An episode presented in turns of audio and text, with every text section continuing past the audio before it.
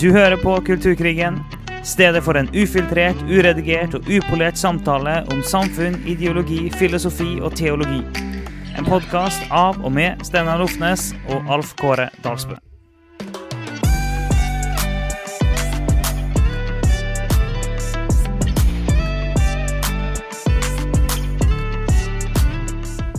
Kulturkrigen raser videre, så vi holder det gående selv om det er sommerferie. Vi håper alle har det fint, og vi har det fint. Um, og vi bruker vår ferien vår på å spille en episode, for vi har ikke klart å spille inn alt på forhånd. Nei, men det gjør det jo eh, Holder det ferskt. For eksempel så har du akkurat fått din fjerde baby, Alkåre. Ja, altså det, det skal jo alle vite, da. Som sagt, kulturkrigen raser videre, så en fødsel kan ikke stoppe det her. Det er, For fem dager siden så fikk jeg min, eh, min femte Nei, femte, sier jeg. Wow. Oi. Oi, oi, oi. Det, det var det profetisk. Wow. Eh, vi får se, vi får se. Men ja, for fem dager siden så fikk jeg eh, vår fjerde. Så det er stor stas. Um, det er ja, det er mye jeg kan si om det. Jeg merker at Med en gang jeg beveger meg på det temaet, så er det på en måte en helt egen kulturkrigdør som åpnes inni hodet mitt, merker jeg. Som ikke var den veien jeg hadde tenkt å ta denne episoden her. For jeg plutselig merka at jeg, jeg var, nå er jeg på vei rett inn til å snakke om, om barn og barns rolle i samfunnet. Og.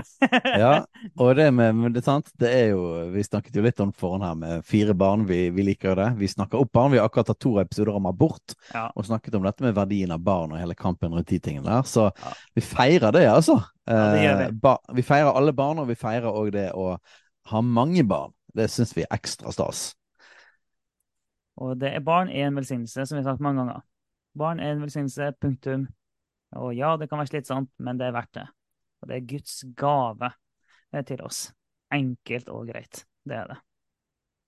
Eh, Så det er kjekt. Det er det. Men vi må, vi må holde det her gående. Så Men eh, Ja, det er mange veier vi kan ta det. Men Steinar, du har truffet en del lyttere i sommer. Si noen ting om det. Ja, jeg har akkurat kommet tilbake fra en liten, eh, liten runde på Sørlandet og Østlandet.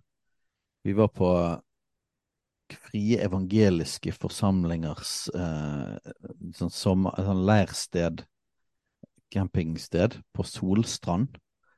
Eh, holdt jeg på Glemte hva det heter. Altså Bygden ved siden av er jo faktisk Vigeland, der denne vekkelsen eh, foregår. Um, Lista heter kommunen. Uh, så der var vi og hadde masse undervisning om familie og mann og kvinne og forskjellig. Og så var vi en tur oppe på Maranata-stevnet på Seljord, Telemark.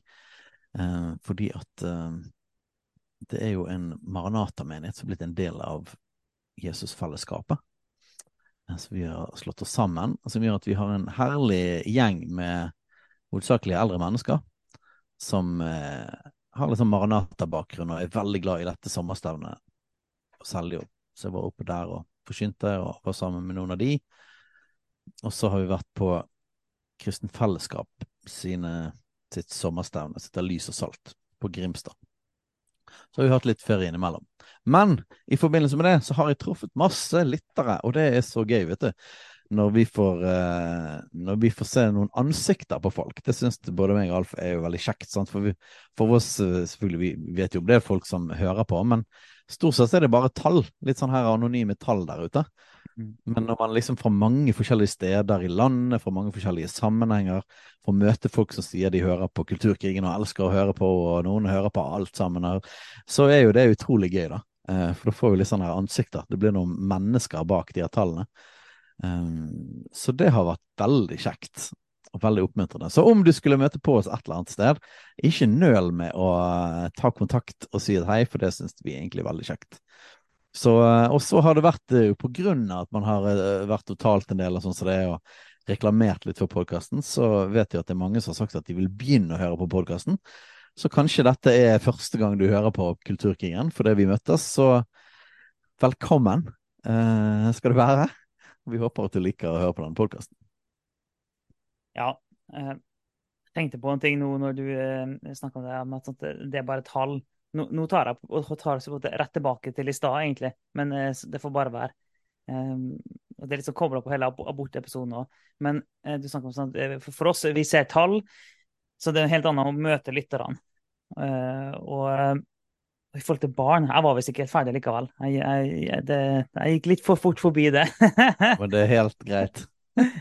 jo, men um, Jeg tenkte på det med at uh, no, noen, noen, menn, noen fedre, kobler veldig med Når de venter på barnet i magen, så kobler de veldig med det å kjenne en connection, liksom, og det er en emosjonell kobling til det barnet. Jeg har aldri gjort det med, med mine barn. Jeg har aldri, aldri, følt eh, noe som helst eh, kobling gjennom svangerskapet. Um, ikke når du har hørt hjerterytme en gang, nei, nei, sett på ultralyd? Ingen, ingenting. Det, altså, ja, ultralyd det har jeg kjent litt, faktisk. Når jeg har fått sett det der. Det, det, det har jeg. Litt på ultralyd har jeg kjent det. Men utenom det, så, så å si ingenting. Um, og noe, er sånn bevegelse i magen og sånn, og, og Ellen har jo kobla kjempemasse med det. og nei, Spesielt i første svangerskapet, og litt i andre. Og sånn her Å, kom, kom, se, se her, kjenn her. Og tok hånda mi og la hånda på magen og sånn. Eh, jeg har alltid syntes det har vært litt ubehagelig, litt ekkelt, egentlig. Det er, det, det, det, jeg ser bare for meg at det er et romvesen inni der som har kommet inn i kroppen til kona mi. Så det var sånn, det, det, jeg hadde aldri klart å komme med det. det, er veldig godt, eh, det er veldig godt at, vi, at du er verdidrevet og drevet av objektive fakta, ja. og ikke har følelser, Alf Kåre. Ja. For deg hadde det vært en alien og en celleklump. ja, ja sant, sant. Eh, men jeg har liksom aldri kobla med det. Eh, men nå har jeg lært meg at det, det, det kan sikkert gjøre, gjøre, sånne ting med. Kanskje trenger jeg noe dyp helbredelse, jeg aner ikke. Men det, men det er på en måte helt greit at det er sånn. Og, så var, det, det, har ikke bekymra meg noe særlig. Men det, det, interessante er at med alle mine fire barn, og gjennom fødselen òg sånn Under selve fødselen så er jeg helt sånn rolig. Uansett om det er vold, fødsel er voldsomt, så har jeg vært helt rolig. Men det er liksom hvilepuls gjennom hele fødselen. Gjør min plikt og hjelper til og støtte og sånn. Men i det sekundet barna har kommet ut, da har det skjedd noe i meg. Det har vært med alle fire, og sånn var det nå for fem dager siden. Jeg har hatt utrolig lite kobling med han, som vi har valgt å kalle Lukas. Jeg har hatt utrolig lite kobling, og så kommer han ut, og da bare bang! skjer det noe i meg. Da kjenner jeg det. Da skrur det seg på. Da, da, da har bare ligget latent hele veien. Og da, da fyrer det på, på alle sylindere. Da begynner jeg, og da kommer tårene. Da sitter jeg og ser på han, og da kjenner jeg ting begynner å jobbe. Liksom. Da, liksom, da, skrur pappaen seg på eh, med full kraft. Det, det, var veldig fascinerende. Sånn har jeg vært med alle fire. Jeg, har, jeg, er da en av dem som bare trenger å se det fysisk foran meg, rett og slett. Um, og det, det, er noe veldig vakkert med det òg, men det er veldig fint med dem som klarer å koble med det tidligere. Men det er noe med det her med at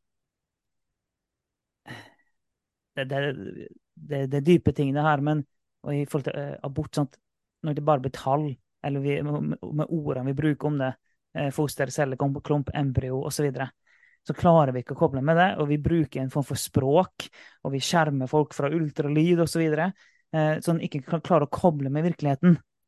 Og det er mm. derfor Jeg hørte faktisk en, en podkastepisode som gikk gjennom jeg, jeg, jeg, jeg har hørt en del om abort i sommer. En gikk gjennom historien om abort i USA. Og så hørte jeg noen som hørte jeg noen som har en sånn ministry, eller hva skal kalle det, der de eh, står utafor abortklinikker i USA med eh, en van med ultralydutstyr inni. Og så er de veldig opptatt av at de skal ikke drive og, og shame folk. Så det er på en veldig sånn kjærlig, mild måte invitere de damene som kommer til abortklinikken, inviterer dem til å spørre har, liksom, har du lyst til å komme inn i bilen her og få se barnet. Wow. Og så, og så tar de og, og da med de damene inn i bilen, de får se barnet, og han forteller om at det er så mange som går derfra og, og, og avbryter aborten. Wow. Så mange avbryter abort etter å ha vært innom den bilen der og fått sett barnet. Det har, sånn, har enorm effekt. Ja. Det er utrolig sterkt. Og det er litt sånn, eh, som jeg, Du spurte sånn om jeg ikke kobler og hører hjertelyd. Sånn, så, når jeg har sett ultralyd, har jeg kobla litt. Selvfølgelig mye mm. mer når det kom til magen, men jeg har kobla litt ultralyd. For da har det blitt litt mer ekte. Og, og er, noen har jo foreslått faktisk at det, det, skal være obligatorisk med ultralyd før en får lov til å ta abort. Eh, det er noe som har foreslått. jeg forstår det. Jeg forstår Ja, jeg, jeg, det argumentet. Jeg, eh, jeg vil støtte det 100% Mm. Altså Hvis vi faktisk tror at dette er et barn, og at abort er drap, så er det helt klart det som vil hjelpe eh, moren eller foreldrene koble med den virkeligheten. Hvis det kan redde liv, så er jo jeg 100 for det. altså. Mm. Eh, og selvfølgelig, jeg, jeg forstår òg at det er en balansegang, litt sånn som det du fortalte om. Eh, hvor, liksom, hvor offensiv skal man være, da? Eh, og eh, igjen, da merker det at du kan vi gjøre dette til en abortepisode òg, altså. For det, Ja. det vi kanskje ikke snakket så mye om i de to forrige episodene, er jo, er jo på en måte hvor går grensene med hvor Litt sånn her driver- Det er jo på en måte individets frihet i en eh, eh, i et demokrati. Eh, sant? Og på en måte ikke være for offensiv. Men så på andre siden er det sånn Ja, men hvis vi definerer det som et drap, og som et eget menneske, og vi hadde sammenlignet det med på en måte hvordan, hva vi tenker da, eh, Da har vi jo en plikt. så ville vi jo fysi... fysisk ja, Men da er det, sånn, da er det nødvergeplikt igjen, sant? ja, Eh, eh, sant? Da hadde vi jo til og med fysisk hindret folk. Altså hvis, ja. Hvis, hvis det hadde vært en, en fem år gammel datter som eh, foreldrene løpte etter eh, med en kniv for å ta Mm. livet av, ja, ja. så ville jo vi mene at du, man fysisk kunne Ikke bare kunne, man skulle ja, men du blir straffa hvis, du blir straffa hvis ikke du gjør det. Ja. Altså, Hvis du har muligheten til å hindre, eh, hindre ulovligheter, men velger å ikke gjøre det, så kan du bli straffa for det. Jepp. Og da ville man sant? Da ville man eh, både holdt personen fast, og man hadde gjort Ja, ja. Uh, hva som helst, egentlig, for å hindre det drapet. Uh, og, sant? Så der kommer den inn sånn her Hva er å dra det for langt i en abortdemonstrasjon, eksempel? Og, og på én side så er det på en måte litt sånn På én side så kjenner man Ah, ja, sånn som med det eksempelet du nevnte, som jeg syns er veldig fint. Og så er det bare sånn Ja, men hvor mye skal man pushe folk? Og så på grunn av vi, har- vi har det synet vi har på at dette er et menneske, og det, og det er viktigere å redde det livet, så vil man tenke at nei, det er absolutt bra at, at disse folkene får komme inn og, og se det. Men så vil man kanskje litt sånn der, ok, hvor offensiv er man, hvor pushy er man på det? Eh, og så vil jeg nok sånn tenke sånn i utgangspunktet så instinktivt at hvis du får pushy, så vil det ikke være bra. Men jeg vil ikke mene det hvis du var en fem år gammel.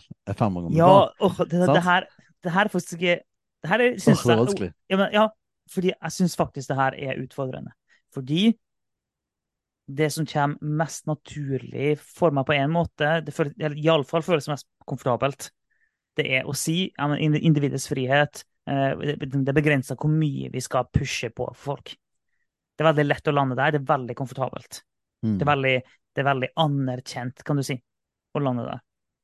Samtidig, hvis jeg skal ta på alvor mitt eget syn på at det, det barnet i magen er et menneske med full verdi, så har jeg egentlig prinsipielt sett ikke mulighet til å tenke sånn. Egentlig.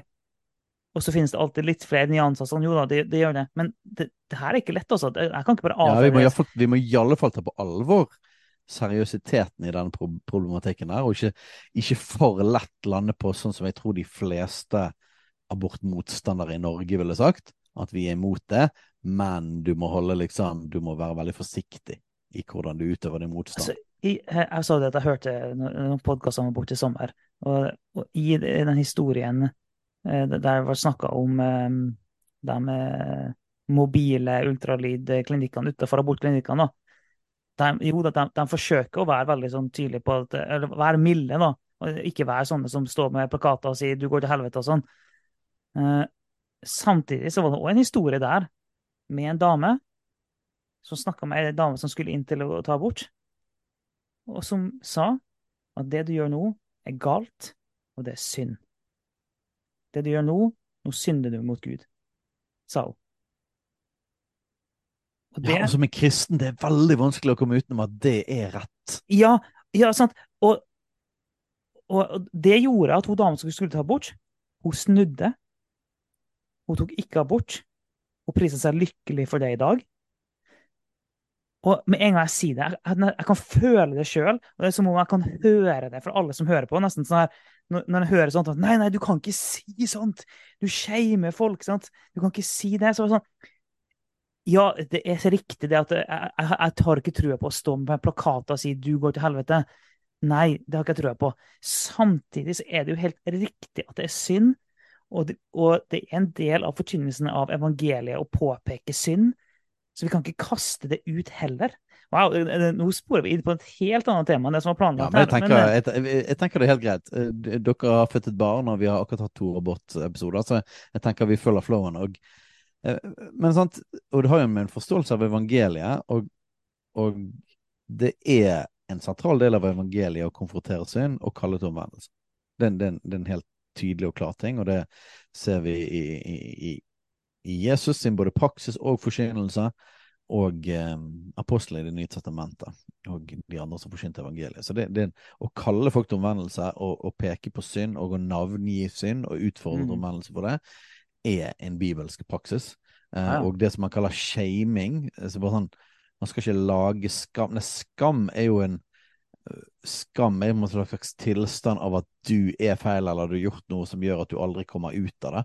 Eh, nei, vi forkynner ikke skam, vi forkynner eh, en åpenbaring av synd. Altså loven, ved loven kommer erkjennelse av synd, som gjør at ved Den hellige ånd så blir synd åpenbart.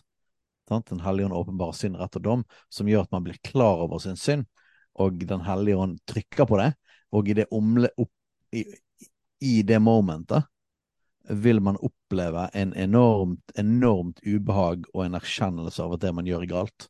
Vi kaller det jo synden syndenød. sant? Synden, synden gjør at du får en nød. For yep. At du kjenner at det ligger tungt på deg. og Du, du, får, en, du, du får, kjenne på konsekvensen av synd. Du får kjenne på at det ligger på deg, og du tar konsekvensen sånn. Og, sånn, og det er alvorlig, og det oppleves sterkt ubehagelig. Ja, og du må reddes fra det. Som, som jo er frelse. Ja. Du må reddes ja. fra synden. Og, og, det er klart at Hvis ikke det oppleves ubehagelig, så aner du ikke hva du blir redda fra. Så, eh, så en evangelieforkynnelse som ikke skaper syndenød, det, det har ikke forkynt evangeliet. Nei, og, og, shaming blir jo mer sånn at, at akkurat som målet er kun at du skal føle på det, og så slipper man det der. Nei, da har ikke du forkynt evangeliet. Mm. Da, du, da, har du bare forkynt halve evangeliet. Mm. Eh, men evangeliet begynner med det. En erkjennelse av synd. Og så må jo man forsyne eh, løsningen på det nemlig å vende om og overgi seg til Jesus. Eh, og som, som, gjør det at shaming blir jo mer sånn å bare holde deg i en slags for evig skam.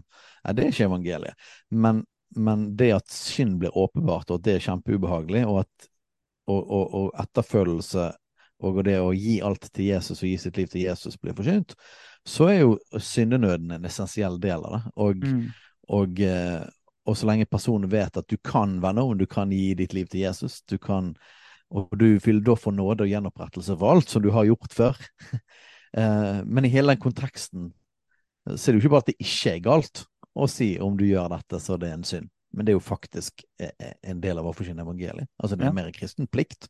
Eh, og, og da kommer vi jo inn i noe som har med en mye større tema, med at vi har i stor grad forlatt disse disse elementære delene av, av evangelieforkynnelsen i vår kultur, og at alt som smaker av det ubehagelige, mm. eh, om det er erkjennelsen av synd, åpenbaringen av synd, eller det er eh, forkynnelsen av å måtte vende om, eller det er forkynnelse av fortapelse, alle de tre tingene.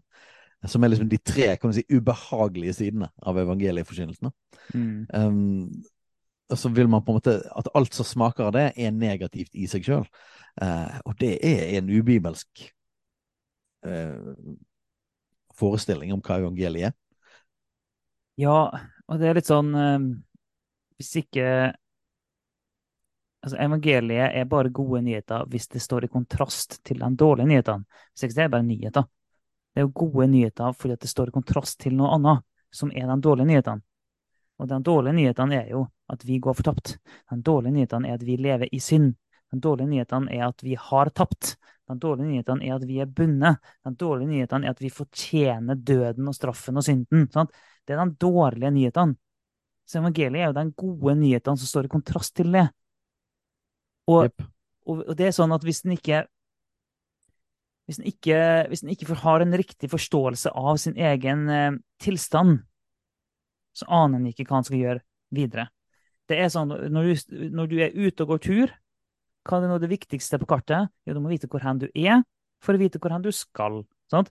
Det er, det er blitt enkelt med mobil, for å se med en gang hvor hen du er, men uh, før en fikk mobil, så var det liksom nummer én. Du må finne ut hvor hen du er. Først da kan mm. du vite hvor hen du skal. Og det er jo...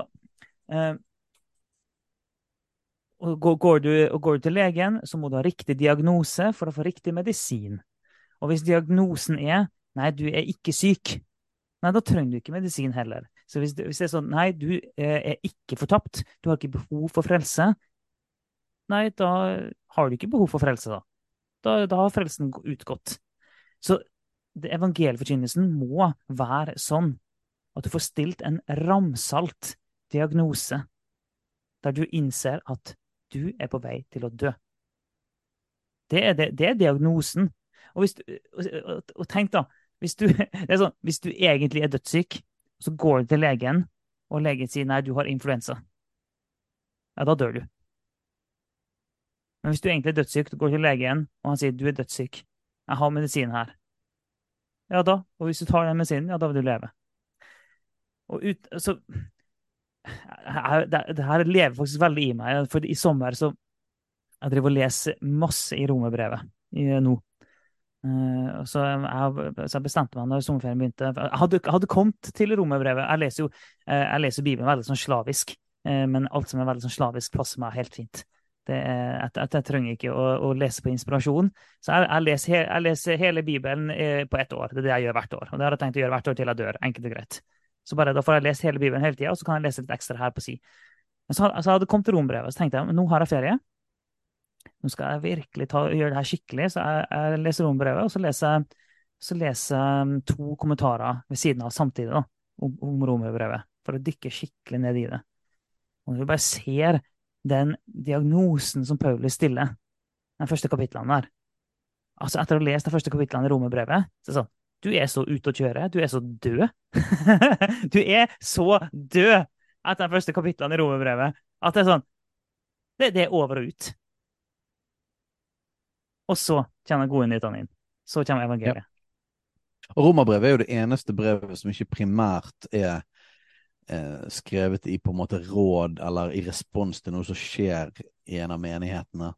Eh, tale inn i en situasjon spesifikt men det er rett og slett Paulus som systematisk legger ut det han kaller sitt eget evangelium. For han har aldri mm. vært hos dem, eh, men han, men han eh, opplever at det er hans kall likevel, at han har et mandat til å forkynne òg til de som er i Roma. Men så legger han rett og slett evangeliet systematisk ut. Um, så, så, på en måte det at disse tre første kapitlene handler om det, og så ser du det skifte i Egentlig i Romerne 3.23 kommer skiftet. Mm. Uh, det er det er helt sånn strategisk. Det er rett og slett en modell for evangelieforkynnelse. Ja, det er det. Så ja, så dette her Dette trigget jeg Vi kommer langt på, på, opp i dype hull. Men evangeliehullet, det er sånt hull som vi eh, lar oss eh, hoppe ned i. For det fins ikke noe mer sentralt enn det. Nei, det gjør ikke det. det og vi vil leve. Vi vil stå helt fast der. Vi vil leve der, sentrert der. Yep. Det, det vil vi. Og selvfølgelig, eh, når, når, på en måte Når de utfordrende delene av på en måte erkjennelsen av synd, av eh, at vi må faktisk vende om og følge Han, og at realiteten er fortapelse uten Kristus Når det er kommet inn, så er det selvfølgelig essensielt i evangelieforkynnelsen, bare for å understreke det òg, når vi har understreket det andre, er jo at eh, det er ved nåde vi blir frelst, det tror mm. vi blir frelst. Eh, det er ikke vår egen fortjeneste av våre egne gjerninger, men, men eh, erkjennelsen av synd det skal ta oss til et sted av ydmykhet. Av å bøye oss for Jesus, sånn at vi virkelig kan ta imot det fantastiske som Jesus gjorde for oss når han døde på korset og sto opp igjen for de døde. Sånn at vi kunne fått nytt liv, et evig liv. Og vi tror på et evangelium med full gjenopprettelse og full tilgivelse for absolutt alt synd og alt vi har gjort, måtte ha gjort galt. Så sant vi kommer til Jesus med en erkjennelse og en ydmykhet av at vi faktisk trenger den nåden. Og eh, Så evangeliet er gode nyheter for alle, uansett hva man har gjort, men erkjennelsen av synd er ekstremt viktig inni, den, inni det. Og, eh, og det er på en måte du må ha begge disse sidene veldig tydelig og klart fram for at, for at evangeliet skal virkelig ha den kraften som det har til å til å frelse og forandre liv. Evangeliet er Guds kraft til frelse. Derfor er det, det, er viktig for, det var viktig for, for eh, Jesus når han forkynte det, var viktig for Paulus og de andre apostlene. Og derfor er det viktig for oss at evangeliet blir forkynt helt og rent og tydelig. For det er det som har kraften i seg til å forandre og frelse. Og Derfor er det lett for at vi kommer for å komme tilbake igjen til det vi snakket om. At, at er det da galt at, at, hun blir eh, utfordret til at om du gjør dette, så, så er det galt? Mm. Nei, nei, det er veldig evangelisk. Det det. Eh, og man kan ikke blande dette. Og vi tok hele den runden for å si at dette er ikke det samme som skam. Mm. ikke det samme som å påføre skam på noe, for skam er en slags eh, en sånn sky som bare skal henge over deg forever. Nei, det er å tydeliggjøre synd, sånn at du skal kunne vende om og komme til Jesus. Mm. Eh, og at du ikke skal gå den veien. Mm. Det er målet med å forsyne òg de ubehagelige sidene av evangeliet. Um, og derfor så har det absolutt sin plass. Og vi var jo på vei inn i liksom hvor går grensene, liksom. da. Ja, for, for det, det, de har vært inne på det før òg, men det er det kan jo ikke være sånn at fordi vi utfordrer noen, så er det galt. Eller for at vi sier en ting som oppleves ubehagelig for noen, så er det galt. Altså det, det kan ikke være målestokken. Målestokken kan ikke være ubehaget til den andre personen. Det er ikke et mål at det skal være ubehagelig, men det kan heller ikke være målestokken. Så, mm. ja, vi skal gjøre alt i kjærlighet, men ting du gjør i kjærlighet mot et annet menneske, kan faktisk være ubehagelig for det andre mennesket.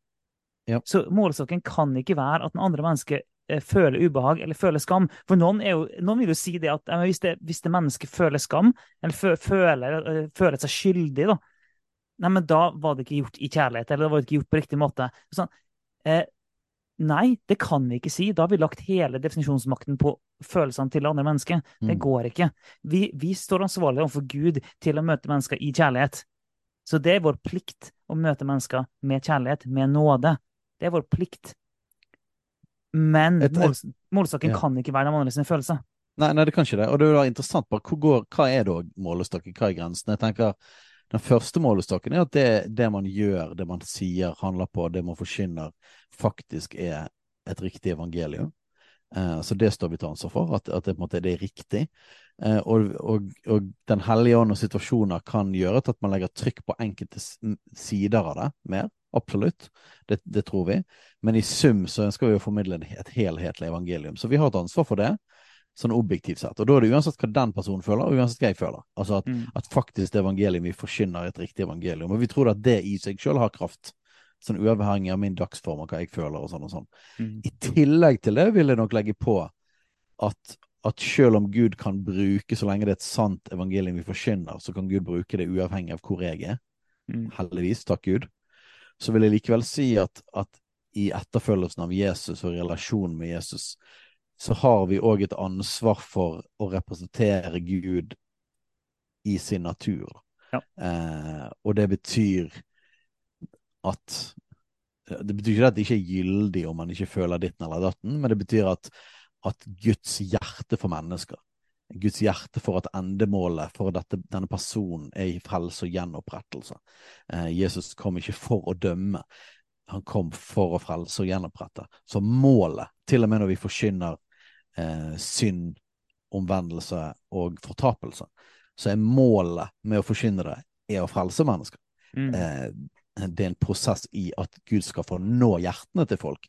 For det at om vi forkynner evangeliet på en sånn måte at der vi egentlig syns det er egentlig fint at de går fortapt, og vi egentlig ikke liker dem, eller vi forakter dem pga. deres synd, så har vi beveget oss vekk fra Guds hjerte og Guds natur. Eh, og Så hvis vi ikke forkynner den andre delen av evangeliet, bare den første, så er det på en måte helt meningsløst at Jesus kom. Mm. Så, så tar, du vekk, tar, du vekk, tar, du vekk, synden, så gir ikke noe mening at Jesus kom og døde på korset. Så, så da, da, men tar du vekk Tar du, vekk, tar du vekk nåden og frelsen, så tar du òg vekk meningen med at Jesus kom. Eh, for mm. da, kunne vi jo bare alle vært i vår synd, og så kunne Gud dømme verden. Eh, så vi må, vi må forkynne et evangelium, og ved Den hellige ånds nåde og hjelp forkynne det i, i Guds ånd, som, som, formidler både tydeligheten men òg at drivkraften av hjertet er at folk skal faktisk møte Jesus og vende om og bli frelst. Absolutt. Og eh, Bibelen er jo full av eh, sånne sannheter som kan, det kan føles ut som de står litt imot hverandre. Men det er bare når du tør å ta begge to på fullt alvor, at du får den hele og fulle sannheten. Bibelen er full av sant. sånt. Og ser du på Jesus når han, eh, når han forkynner. Ok, nå bare sånn, Det der virker sånn out, out of the top of my head her, men det er jo minimum tre måter han forkynner på til folk. Minimum. Eh, altså eh, minimum tre tilnærminger, kan du si. Det ene er jo den som alle liker så veldig veldig godt, der han ba, eh, møter med kjærlighet og, og Johannes 8 og, og kvinnen som er tatt til hor. sant? Eh, hun er bare sånn Er det ingen som fordømmer deg? Eh, og, så, og Det høres så fint ut, og så glemmer han gjerne at han sier eh, 'gå bort og synd ikke mer'. da. Eller eh, 'kvinnen ved brønnen'. Det, det er jo litt sånn, Jeg tenker gjerne at det, det var så utrolig mildt. Det var ikke så mildt det han gjorde der, egentlig, men, men Nei, han, han satte jo ord på hennes livsstil og synd. Ja, det var akkurat det. sant? Altså, det, ja, det, du har hatt fem menn, han som er din mann nå, det, han, er, han er ikke din mann. Der talte du sant. Um, men poenget mitt var at du har den, den siden som folk er veldig glad i, Jesus som kommer med nåde. Han han kommer alltid med nåde, men han kommer med ulike tilnærminger. Så, så han kan komme på en, med en mild tilnærming. Han kan også komme med en utfordrende tilnærming. Ta den rike unge mannen. Så sånn, ja, Gå bort og selg alt du eier. Og den rike unge mannen gikk jeg husker ikke nøyaktig ordet, men han gikk liksom lei seg bort. da. Jeg husker ikke nøyaktig ordet som er brukt der. Mm. Eh, men, eh, Bedrøvet bort. Ja, bedrøvet bort, sånn. ja. Så han gikk bedrøvet bort.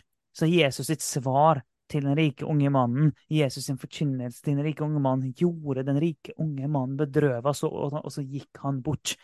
Tenk hvis et menneske som møter på deg, og du forkynner til et menneske, og det går bedrøvet bort. Det er ikke automatisk at du har gjort noe feil. Det er sikkert ikke et Mm. mål, og det sånn, å, det, det, det betyr ikke at du har gjort noe riktig heller, men vi kan ikke måle det bare på reaksjonen. Ok, så det, det ene er liksom når Jesus møter i full i nåde, det andre er der han utfordrer, og det andre er når han bare skikkelig konfronterer. Sånn han gjorde med fariseerne. Sånn, han konfronterte veldig kraftig. Han kalte dem hvitkalka graver osv. Så, videre. så det er jo minimum tre sånne tilnærminger Jesus har når han forkynner evangeliet til folk. Ja, og det er en veldig interess interessant ting da, i forhold til typisk eh, eh, hun kvinne som har grepet i hor, er det at det som er veldig tydelig, er det at de gangene Jesus kommer og, og formidler nåde altså direkte til noen, så er det noen som allerede har en, har en erkjennelse av synd. Er noen som allerede har en opplevelse av uverdighet. Ja. Så den, den, den erkjennelsen ligger i bunn. Eh, og, og det elementet er viktig for å få nåde. Mm. Eh, du vil ikke kunne, kunne ta imot nåde hvis du er stolt og sier 'jeg har ikke gjort noe galt', jeg trenger ingen nåde. Eh, så Jesus trenger ikke å, å trykke på det. Den erkjennelsen er der fullt ut. Eh, og da er det bare å komme rett inn med nåde. Fantastisk nydelig. Mm. Men de folkene som, som har ingen erkjennelse, eh, da utfordrer jo Jesus. Mm. Eh, så han går rett, rett til på en måte kjernen av hjertet, da. Og så kan det se litt forskjellig ut hvor folk er henne eh, i, på, på sin vandring. Eh, men du ser alltid disse elementene på en måte til sammen må være der for at noen skal ta imot og følge han. Eh, Og det er et veldig godt poeng det at sånn at Jesus kjenner hjertene til folk. Det er, og, og det, og det, så han, han, han klarte å plukke opp hva slags type forkynnelse som var nødvendig i møte med de ulike menneskene. Og Bibelen er tydelig på at Jesus er et bilde på Gud. Okay, Så ved å se på Jesus, så kan vi se Gud. Og når eh, Bibelen snakker om helliggjørelse, så, eh, snakker, så, så kan en folkelig måte å si det på er jo Jesus-likhet. Når Bibelen Mm. snakker om helliggjørelse, så handler det om at vi som har blitt frelst, gradvis skal bli mer og mer lik Jesus. At vi i større og større grad skal være en representasjon av han. På samme måte som han var en representasjon av Gud Fader. Det, det er vår oppgave som kristne. Så når vi møter mennesker, så skal vi være en representasjon av Jesus. Når de møter oss, så skal det være som om de møtte Jesus. Det er målet. Det er helliggjørelsen. Eh, og det er vår, vår plikt er å jobbe for det. At Jesus har tatt sånn bolig i oss, som Paulus snakker om. At folk faktisk møter han når de møter oss. Men Du det, skal si det samme, samme deg, bare for alle de som syntes det var ubehagelig når du sa plikt. Jeg skal bare si akkurat samme budskap uten det ordet. Og si at uh... Det, men det, jeg synes jo, for meg, ord, plikt er et positivt ord, vet du. For meg er det et positivt ord. Ja, og jeg mener at, at, at det er et helt greit ord, men det, i en måte- i en evangelisk forståelse av det, da, at, så er det på en måte det, det alltid et tosidig ansvar da, i hele livet med Gud. Ja. Og, eh, og det vil alltid være et ansvar som ligger på vår, og vår respons og vårt hjerte. Eh, og så er det selvfølgelig òg en erkjennelse av at vi klarer ikke å gjøre disse tingene i vår egen kraft, og at helliggjørelsen er Den hellige ånd som jobber på oss og forandrer oss eh, ved Hans nåde. Men klart det er et ansvar på oss. Sant? Bare man forandrer, eh, bare man forandrer ordet plikt til ansvar, så kan Mm. man jo bare si akkurat det samme uten eh, og at de som blir støtt, støtter det. Mm. men, det- men, det- ja, det, Ja, var bare, men- det var bare for jeg tenkte på de folkene. Jo, det er bra, det. det, er bra. Kommunikasjon handler om å prøve å nå ut til budskapet budskapet til folk. Sånn, for, øh, for når jeg snakker, så bruker jeg ordet plikt. Så sånn, det, det føles ut som det er enda større tyngde i det, og det føles godt for meg at jeg legger større tyngde på meg sjøl ved å bruke det ordet. For jeg foretrekker å få så mye tyngde på meg, på meg som bare mulig. Det er sånn jeg fungerer som person. Derfor, derfor bruker jeg gjerne kraftige ord av den grunn, spesielt når det, når det gjelder meg sjøl. Men det, det, det, er en god, eh, det er en god eh, si, utfylling av bildet. Jo, men det er jo egentlig basically det vi gjør her. Sant? Det er å balansere begge de sidene hele tiden. Når Mm. vi representerer Gud og det evangeliet vi forkynner, så må vi på en måte hele tiden Så ligger vi og balanserer der i forhold til nåde og sannhet, i forhold Ja. til i forhold til utfordringer, i forhold til alt det er han, men samtidig det, har vi et ansvar. sant? Eh, og, og går man for langt til den ene eller andre siden, så, så detter man faktisk ut av et sunt evangelium. Ja, det Så det er ekstremt viktig, og det er nesten litt sånn meningen å på en måte bare jobbe eh, sammen med de tingene, Men- og formidle og- med de tingene. Og derfor er det jo sånn da, at hvis vi som kristne, i møte med vanskelige tema, i møte med mennesker, når vi snakker om abort, om hvordan skal det se ut i praksis Hvis vi forkynner et evangelium som aldri utfordrer, som aldri konfronterer, som bare bekrefter, da forkynner vi faktisk ikke evangeliet. Det er ikke et mål å være hard, liksom. Det er ikke det. Og nå legger vi mye trøkk på det, men det er fordi denne biten som gjerne mangler. Så for å få det opp, sant, så legger vi ekstra mye trøkk på det. Vi prøver helt til å være i balanse, men vi legger mer trøkk på det som mangler. Eh, Mm. Så når, når den utfordrende og den konfronterende delen av forkynnelsen mangler, ja, da, da, da forkynner du faktisk ikke evangeliet om Jesus. Du forkynner ikke den gode nyheten. Og det må vi hele tiden ha med oss. Men det er Jeg, jeg syns det faktisk er skikkelig utfordrende da, i møte med sånne betente temaer som abort. Spesielt abort, da, syns jeg det er vanskelig. Ja. Det, jeg syns, jeg syns det Ja, er for det er så utrolig sensitivt, sant? Ja.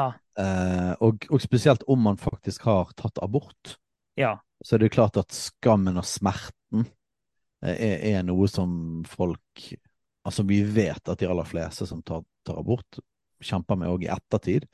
Og da vil du liksom ikke sant, eh, en, en type tanke blir at du vil ikke legge stein til byrden. Eh, og samtidig må vi snakke sant om dette. Og, her, og da har du, da har du et, det hele evangeliet igjen. sant?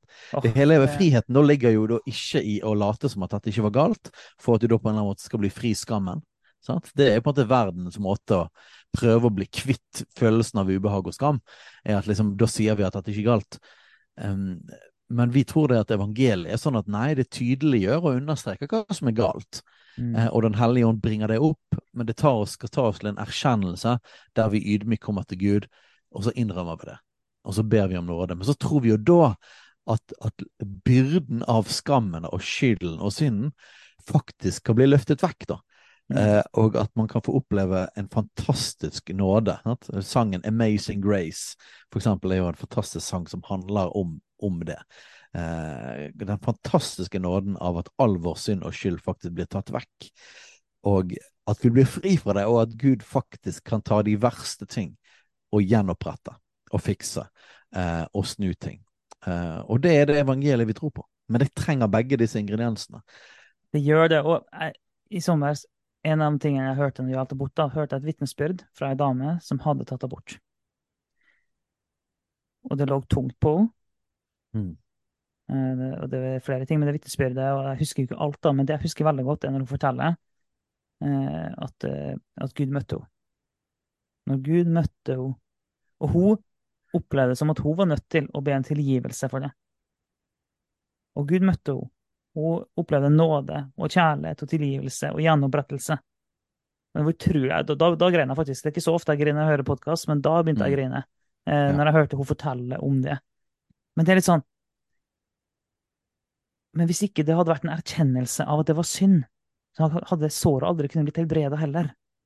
Og vi, eh, ja da, du, du, kan, du kan klare å finne damer som har tatt abort, som, som eh, i alle fall tilsynelatende ikke har tatt noe vare med av det, som sier at de ikke har plages av det i hele tatt. Det vil du finne.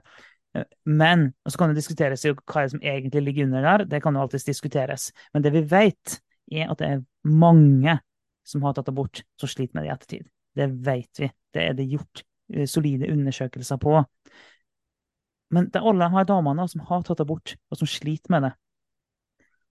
Ja, men hvis ikke de faktisk har en erkjennelse av det, så vil de heller ikke kunne få oppleve nåden og gjenopprettelsen. Jepp. Og så vil vi slenge inn alle disse mennene som har eh, muliggjort Utførte. De fleste abortleger er menn. Ja. Eh, de fleste i systemet der eh, er nok menn. av de som Ja. har fått disse tingene igjennom. Og så har du alle disse mennene da, som, som har vært delaktige i å gjøre den kvinnen gravid, og de som har oppfordret til abort. Og, Og saken er jo den at i til, eh, nei, i veldig mange tilfeller sånn, så er når en kvinne tar abort, så er det fordi at hun ikke har en mann som står opp ved hennes side. Eh, Det, det, og det, og i du, kan si, du, kan, du kan grovt sett dele det opp i tre. da. Du kan si at når en kvinne tar abort, så er det fordi at mannen er fraværende. Eller det er fordi mannen presser på. Eh, Ja, nå tenkte jeg på eh, Ja, eh, jeg hadde tre ting i hodet. Men ja, eh, altså, han er fraværende, eller det han presser på, da. Um, Ja. Så det er uansett en, en mann som ikke har gjort sin jobb, og, og liksom, vi, vi snakker om at damer som, damer som tar abort, og ja, det er jo fordi at det er hun bærer av det barnet i sin kropp, men det er jo alltid en mann inne i bildet, om så det er en one night stand og han ikke er klar over det, så er det alltid en mann inn i bildet. Så på en eller annen måte så er det en mann inni her som ikke har gjort det han skulle ha gjort. Og den personen bærer òg den skylden. Ja. Som man òg kan få tilgitt og få gjenopprettelse for hos Jesus, Mm. men, men det er en skyld. Uh, og og den, uh, den er det veldig bra om den personen får, eh, får åpenbaring på det, får, sånn at den personen blir, blir tatt til Jesus. Uh, jeg bare kom på når du, når du nevnte den historien med hånd, så kom jeg på det at, um, at uh, historien om Marie Monsen, den norske misjonæren i Kina, som har vært en av pionerene, pionermisjonærene i Kina, og så fantastisk vekkelse der. Ble, og flere beskriver hun som en av liksom, mødrene for vekkelsen som pågår i Kina ennå. Eh, vekkelsen der i den regionen hun jobbet, den begynte faktisk gjennom at de fikk liksom ikke noe gjennombrudd, og hun drev og underviste masse damer og sånne ting. Og, eh, og så ba hun masse. Og på et eller annet punkt så var det akkurat som det bare brøt gjennom, da. Eh, og plutselig så fikk disse her, en gjeng med, med damer som hun underviste, fikk en sånn erkjennelse av synd.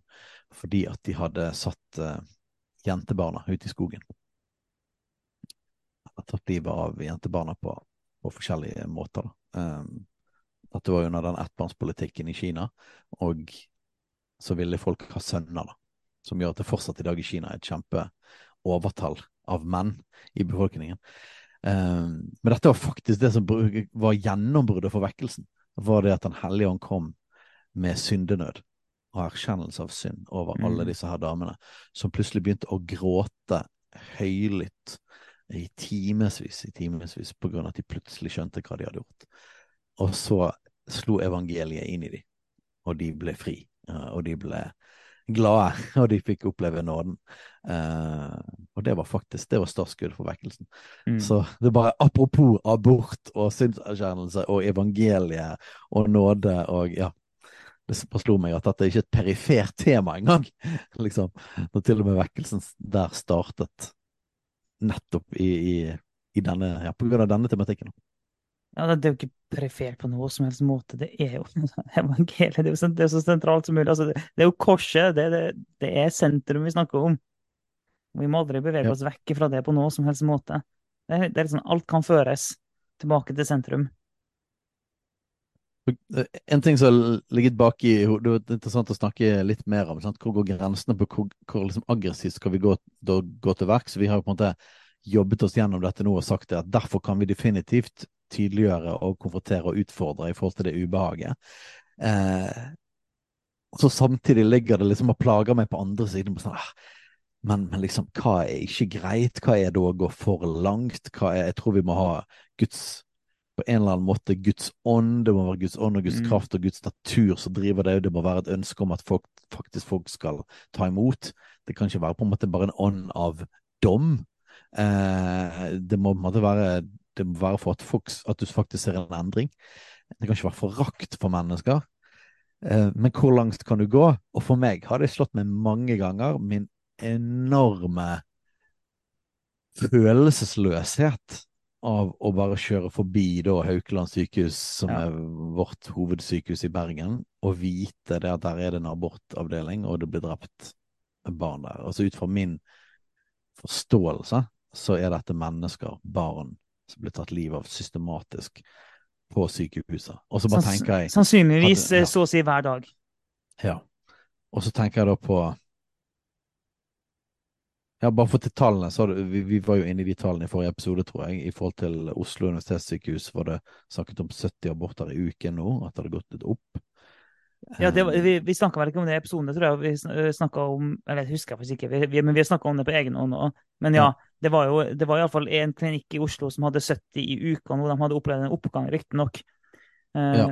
Så det, var jo bare i Oslo der så var det sånn 70 i uka. Eh, men vi vet jo at det i snitt ligger på 12 000 i året. Ja, og det betyr jo at bare, så, bare for å gjøre det konkret, da, så, så betyr det at ok, hvis, hvis det er 70 i uken i Oslo um, Si 40, da, er- i Bergen. Bare sånn, ta et tall. Ja, for det, hvis det er 40, eller hvis vi er mer konservative og bare sier 30, Oslo er dobbelt så stor som Bergen, 30 Ja. båter i uken, eh, som betyr plenty, i alle fall til at det er en om dagen. Mm. Eh, altså langt over det. Ja. Eh, så flere om dagen i gjennomsnitt er mest sannsynlig. I, i snitt fire om dagen, da. Sant? Nå har ikke vi helt tallene på dette, men dette er jo for å bare illustrere. Vi er ikke helt ute å kjøre, i alle fall, på det som er realiteten. Mm. Og så da er jo spørsmålet hva hadde jeg gjort? Og dette er et sånt tankeeksperiment for meg sjøl. Hva hadde jeg gjort om jeg kjørte forbi en eller annen institusjon som tok livet av Mm. barn på, på åtte år? Eh, fem år. Og så var det lovlig. Så var det Mm. gjort profesjonelt. Og det er utrolig På en eller annen måte så er det så usaklig å gjøre det som blir kalt å hitle noe. Mm. Men så er det så, og så nærliggende og på en måte riktig å dra sammenligningene til på en måte grusomheten under andre verdenskrig. For det er på en måte For vår del av verden så er det brukt som en slags standard på grusomhet og umenneskelighet og ondskap, eh, og noe som faktisk skjedde for ikke så lenge siden i vår egen del av verden. Eh, og man skal ikke bruke det usaklig og slenge, slenge konsentrasjonsleirer og, og jødeutryddelse på alle typer tematikk, som ofte blir gjort. Men for en kristen som skal, skal ta på alvor at dette er drap, og at det er systematisk, og det er gjort med, med, med, fra staten, eh, det er institusjonelt, så er det vanskelig å komme med noen annen sammenligning Mm. eh, på systematisk dreping enn dødsleirene under andre verdenskrig. Så systematisk massedrap. Altså, det, det, Ja. altså Ut fra vår forståelse, det høres så voldsomt ut, så jeg får lyst til liksom å Du får lyst til å kalle det noe annet, men om vi faktisk tror det er mennesket, elska av Gud, med full verdi, så kan vi ikke bruke andre ord på det. Og, og da blir det sånn herre For du har sett disse filmene av dokumentarfilmer, og, men òg andre verdenskrig-filmer, der det vanlige tyske eller polske familier bodde i nærheten Ja. av dødsleirer. Og så bare sjokket av at de kunne liksom gå og kjøpe brød, liksom, og leve sitt vanlige liv rett ved siden av. liksom, noen av historiens største grusomheter ble begått, og på en måte ikke gjøre noe med det og holde seg unna. Da. Og det er vanskelig for meg å ikke liksom få de tankene opp i meg når jeg merker min egen manglende reaksjon på å kjøre forbi abortklinikken i min egen by. Eh, og, og jeg vil la meg på en måte Jeg vil ikke koste det vekk, da. For det, det, det, det er et eller annet her som er feil. Og å si at vi å være tydelig på abort er en overreaksjon eller blir for mye, det, det blir veldig vanskelig. Og da lurer jeg heller på sant? Du har Børre Knutsen eksempel på 90-tallet, som Mm. det var veldig, veldig kjent, Børre Knutsen og Ludvig Nesser, sant? Og, som hadde ganske kraftfulle markeringer og demonstrasjoner. Sant? Han, husker kanskje det mer heftigste er når han, han helte en bøtte med blod over seg sjøl. Mens han var inne Mens han var inne på det var, var det det som var greia?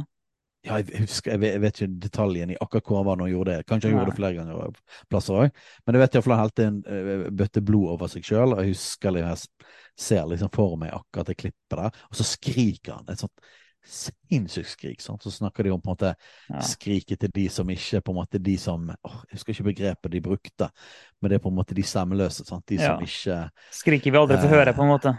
Ja, ja. Og på en måte litt sånn med profetisk sånn her eh, Mm. Det som på en måte blir skjult der inne, og det vi ikke får høre her, på en måte skal skriket komme ut. da.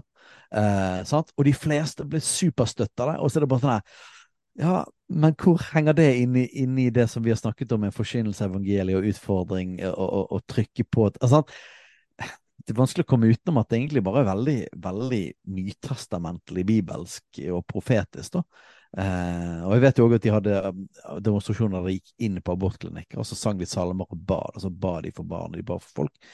Og så vet jeg at de hadde en fast ting som de sa um, når politiet kom for å ta dem. Mm. Så sa de alltid 'Å, så bra uh, at, at politiet, at dere kommer, for de dreper småbarn her'. Mm. Og, og det er jo på en måte litt sånn profetisk demonstrasjon, det de sier. Ja. Som egentlig sier barn ble drept, dere skulle kommet og reddet barna. Det er faktisk det som er deres oppgave, Mm. ikke for å fjerne oss, som dere Ja. faktisk kommer Ja. for å gjøre. Mm. Eh, sånn, Så, det var veldig kraftfulle ting, men det, fikk, det ble jo veldig kontroversielt, til og med i kristne sammenhenger, det de gjorde.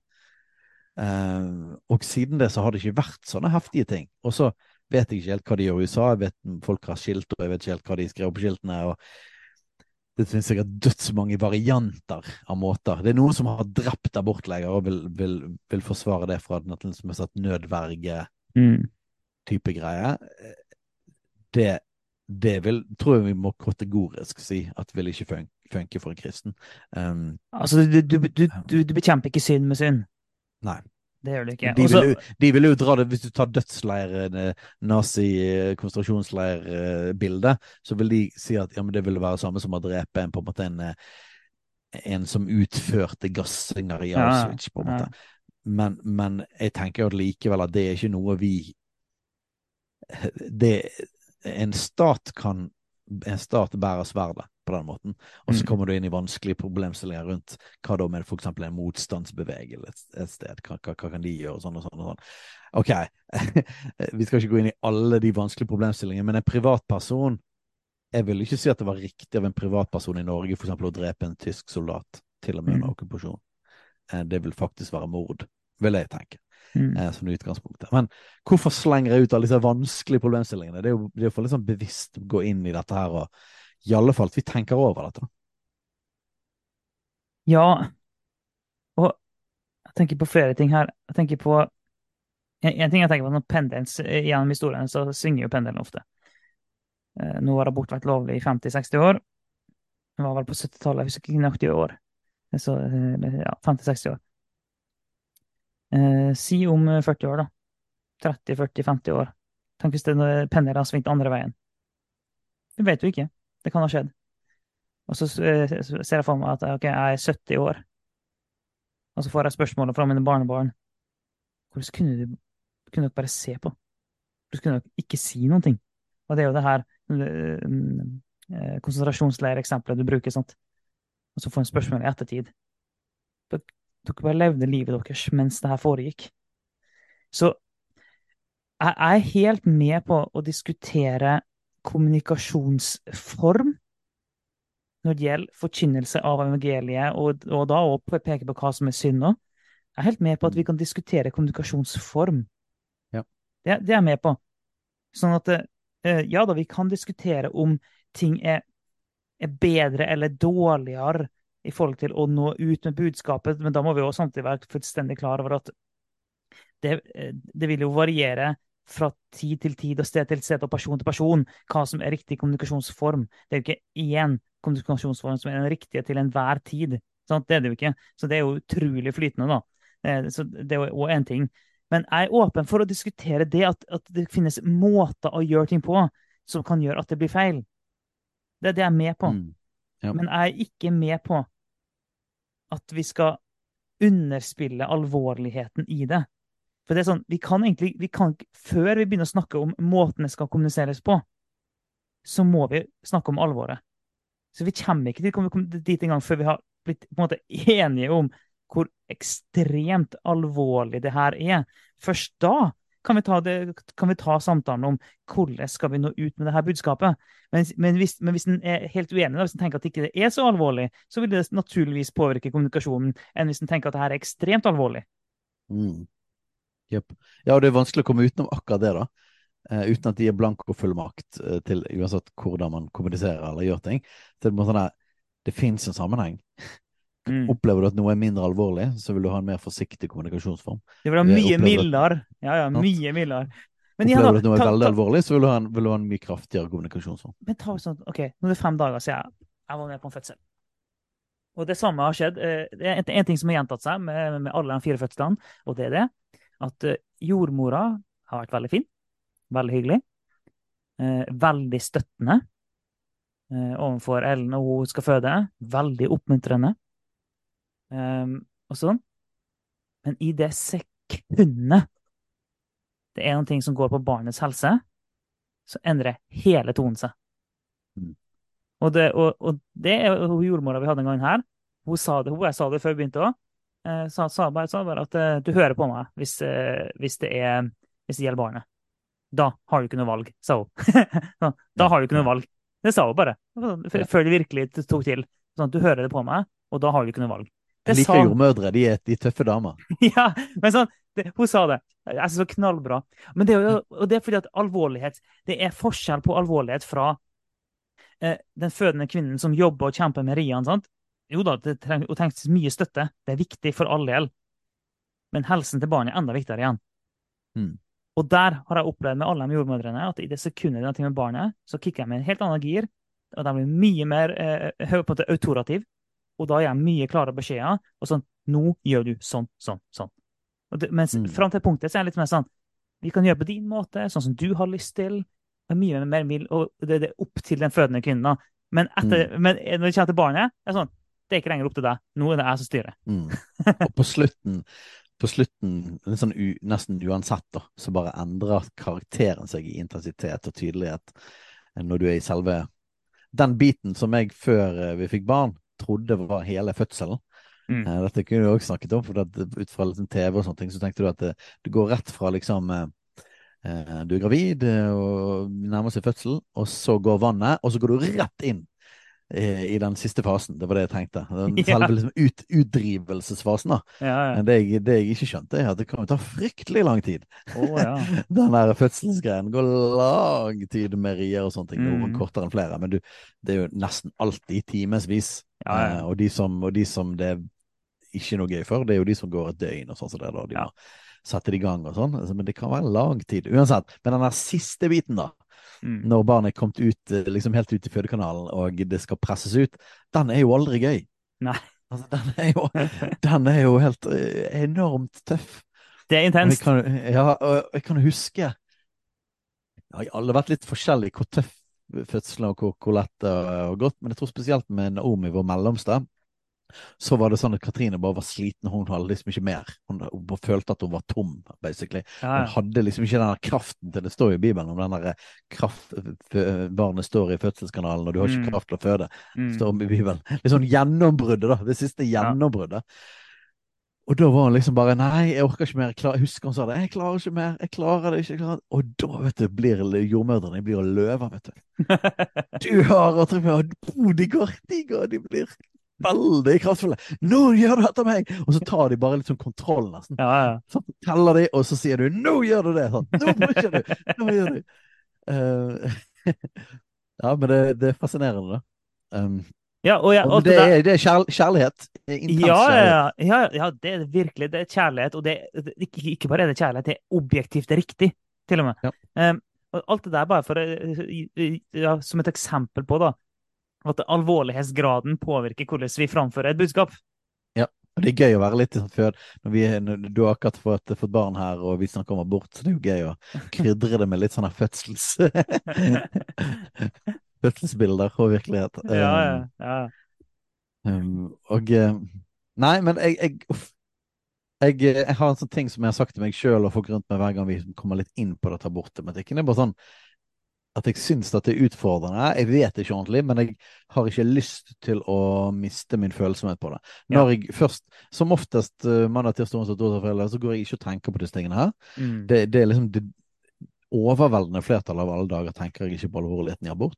Mm. Så de gangene det slår litt inn, og jeg tenker begynner å tenke på det, eller det er en eller annen situasjon som gjør at det trenger Og de gangene jeg kan virkelig begynne å føle på det, så er jeg litt sånn Oi, vet du hva, jeg føler altfor lite på dette. Dette Mm. vil jeg ikke. Jeg vil ikke skyve det vekk. Jeg vil kjenne på noe av det alvoret. Jeg prøver å liksom faktisk ta litt vare på det øyeblikket og la det jobbe med meg, fordi at eh, jeg tror at vi i utgangspunktet så er det vanskelig for oss å deale med virkeligheten av dette. For det er så, for oss som tror at dette faktisk er drap, så er det på en måte så, det, det er så heftige dimensjoner på dette at det, er Ja, det er det. at det er veldig vanskelig for oss å forholde oss til det. Altså det, det er veldig vanskelig Ja. å, å deale med hele, hele greien.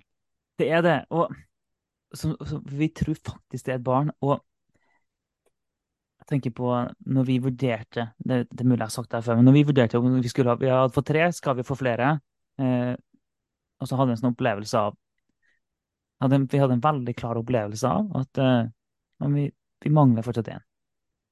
Vi hadde en veldig klar opplevelse av vi mangler fortsatt én. Det er én som enda ikke er her, var, det jeg sa til Ellen. Sånn, ja, men det er én som enda ikke er her. Og jeg husker da jeg sa det til henne, bare kjente jeg det tok enda mer tak i meg. Det er en som enda ikke er her. En så klar opplevelse av at det er en til. Um, sånn før Lukas var unnfanga. Sånn, ja, men det er en til.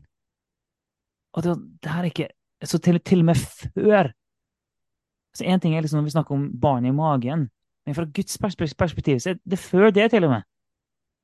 Altså, verdi, Fra et kristent perspektiv så det sånn, verdien til, til barnet det eksisterer før unnfangelsen, Mm. til og med.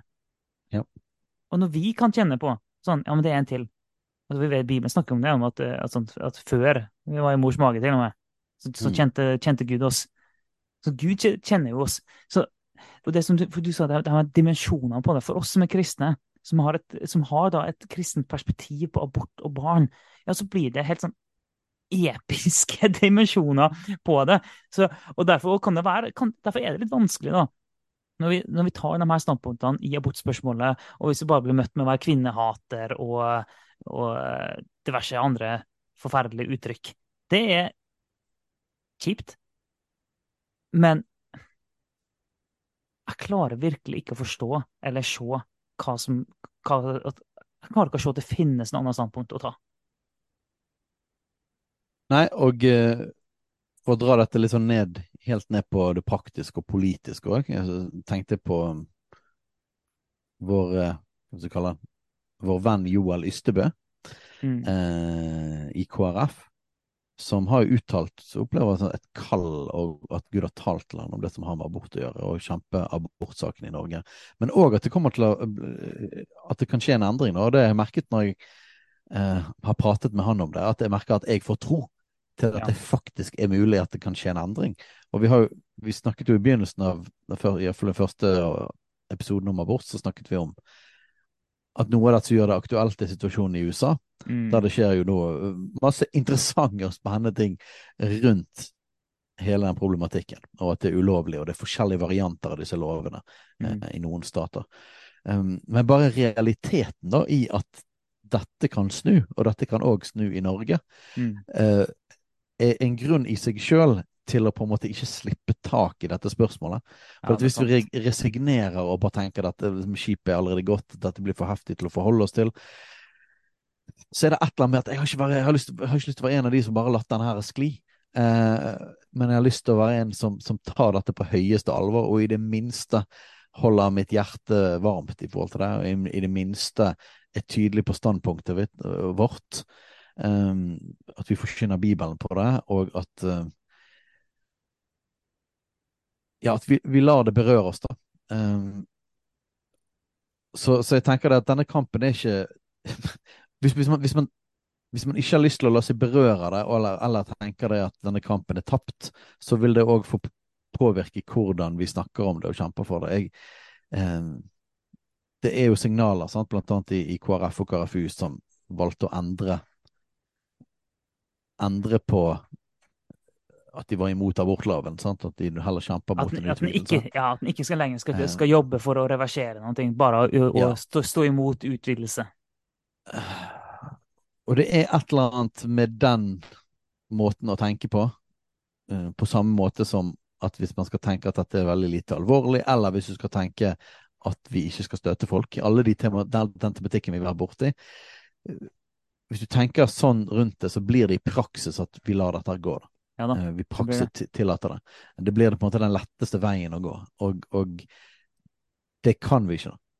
Vi kan, vi, nei, vi, vi kan ikke det. Og jeg har jo sjøl kjempa litt med det her med at sånn at Det blir gjerne sagt om at eh, den norske abortloven eh, på tolv uker, selv om det i praksis er 18 uker, eh, at det er et sånn godt kompromiss. Og sånn globalt sett, eh, hvis du ser rundt omkring i verden, så er det, er det få lover som er måte, så, få abortlover som er så godt laga til som den norske. da.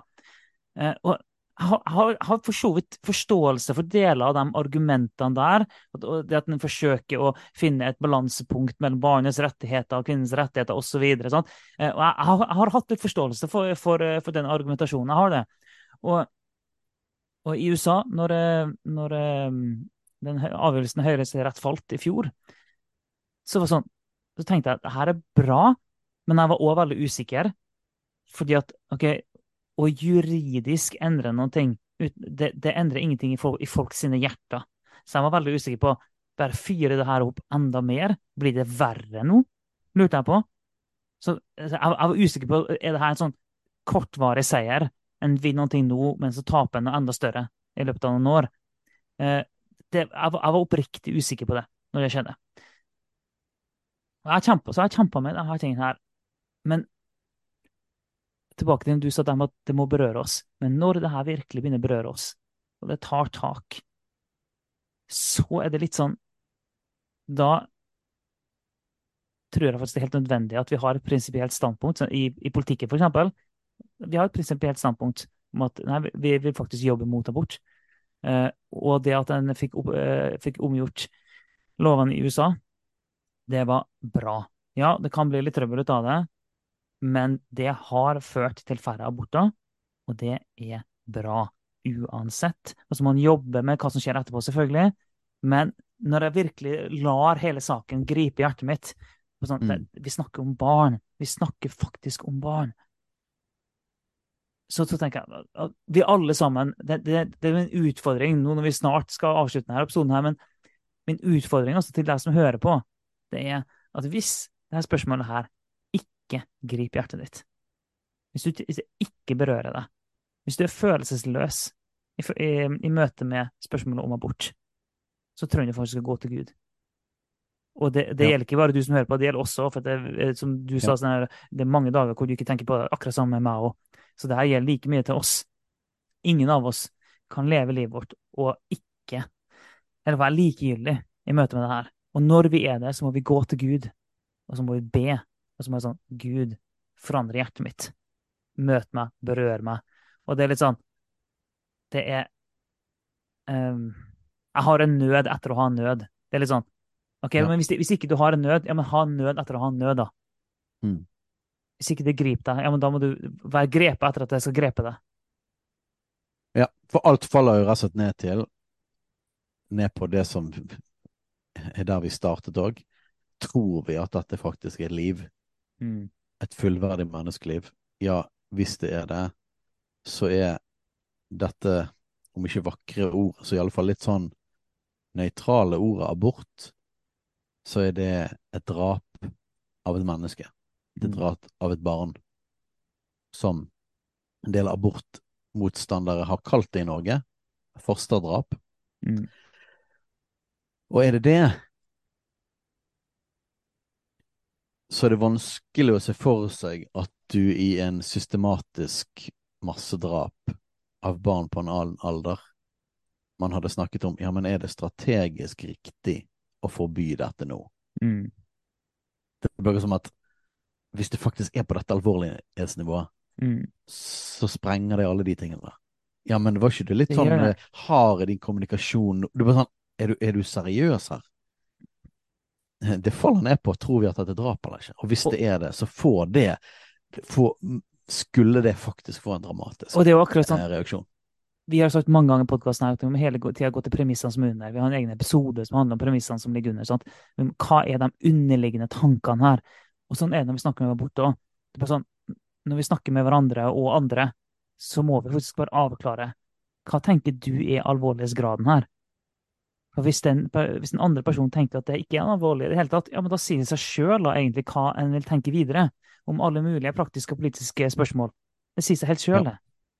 Ja. Så det, det, det, avgjør alt, hvor alvorlig en tror at det er. Wow, det her tror jeg må være den eh, lengste digresjonen eh, vi har hatt hittil i eh, kulturkrigens historie. Ja, det er det faktisk. For det folk, det lytterne ikke vet, er at vi hadde, på, vi hadde ingen planer om å snakke bare bort i denne, i denne oi, oi, oi. Altså, det som var vår plan det, og det, det varierer hvor, hvor, godt planlagt episoden, episodene våre er, men vi hadde faktisk et notat her yep. med ting vi skulle gå gjennom, som var noe helt annet enn det her. Jeg vet ikke engang om vi skal si hva det er, bare for det blir, det blir for stort brudd. Men det, jo, men vi, det, vi, det, vi, kan si, det at om det blir neste episode eller ikke, det vet ikke vi. Men det vi vet, er at, uh, at vi har et litt sånn nytt segment som vi ønsker å inkorporere inn i podkasten vår.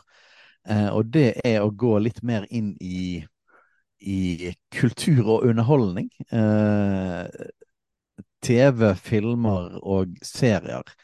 og hvordan det er en ganske stor del av hele kulturkrigen. Uh, og uh, uh, hvordan masse ideologi, og spesielt feminisme, virkelig preger en del av det vi ser på. Og det er litt trigget òg, vi har snakket om det jevnlig, men det er òg litt sånn trigget ut av en veldig spennende debatt som nå går pågår rundt Barbie-filmen, som er veldig aktuelt og ser ut til å bli den store eh, sommerfilmen.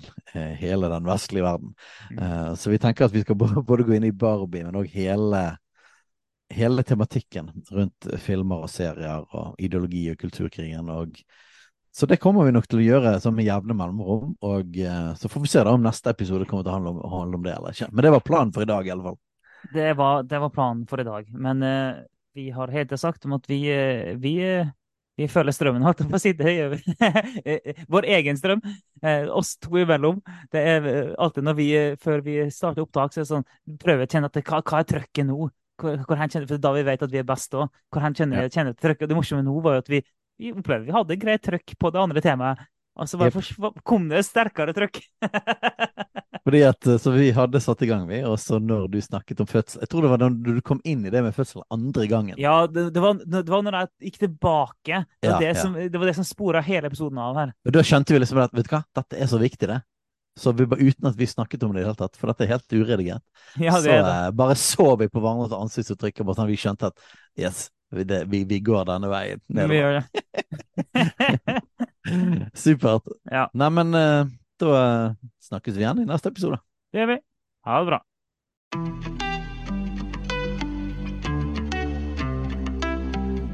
Takk for at du lytter på Kulturkrigen.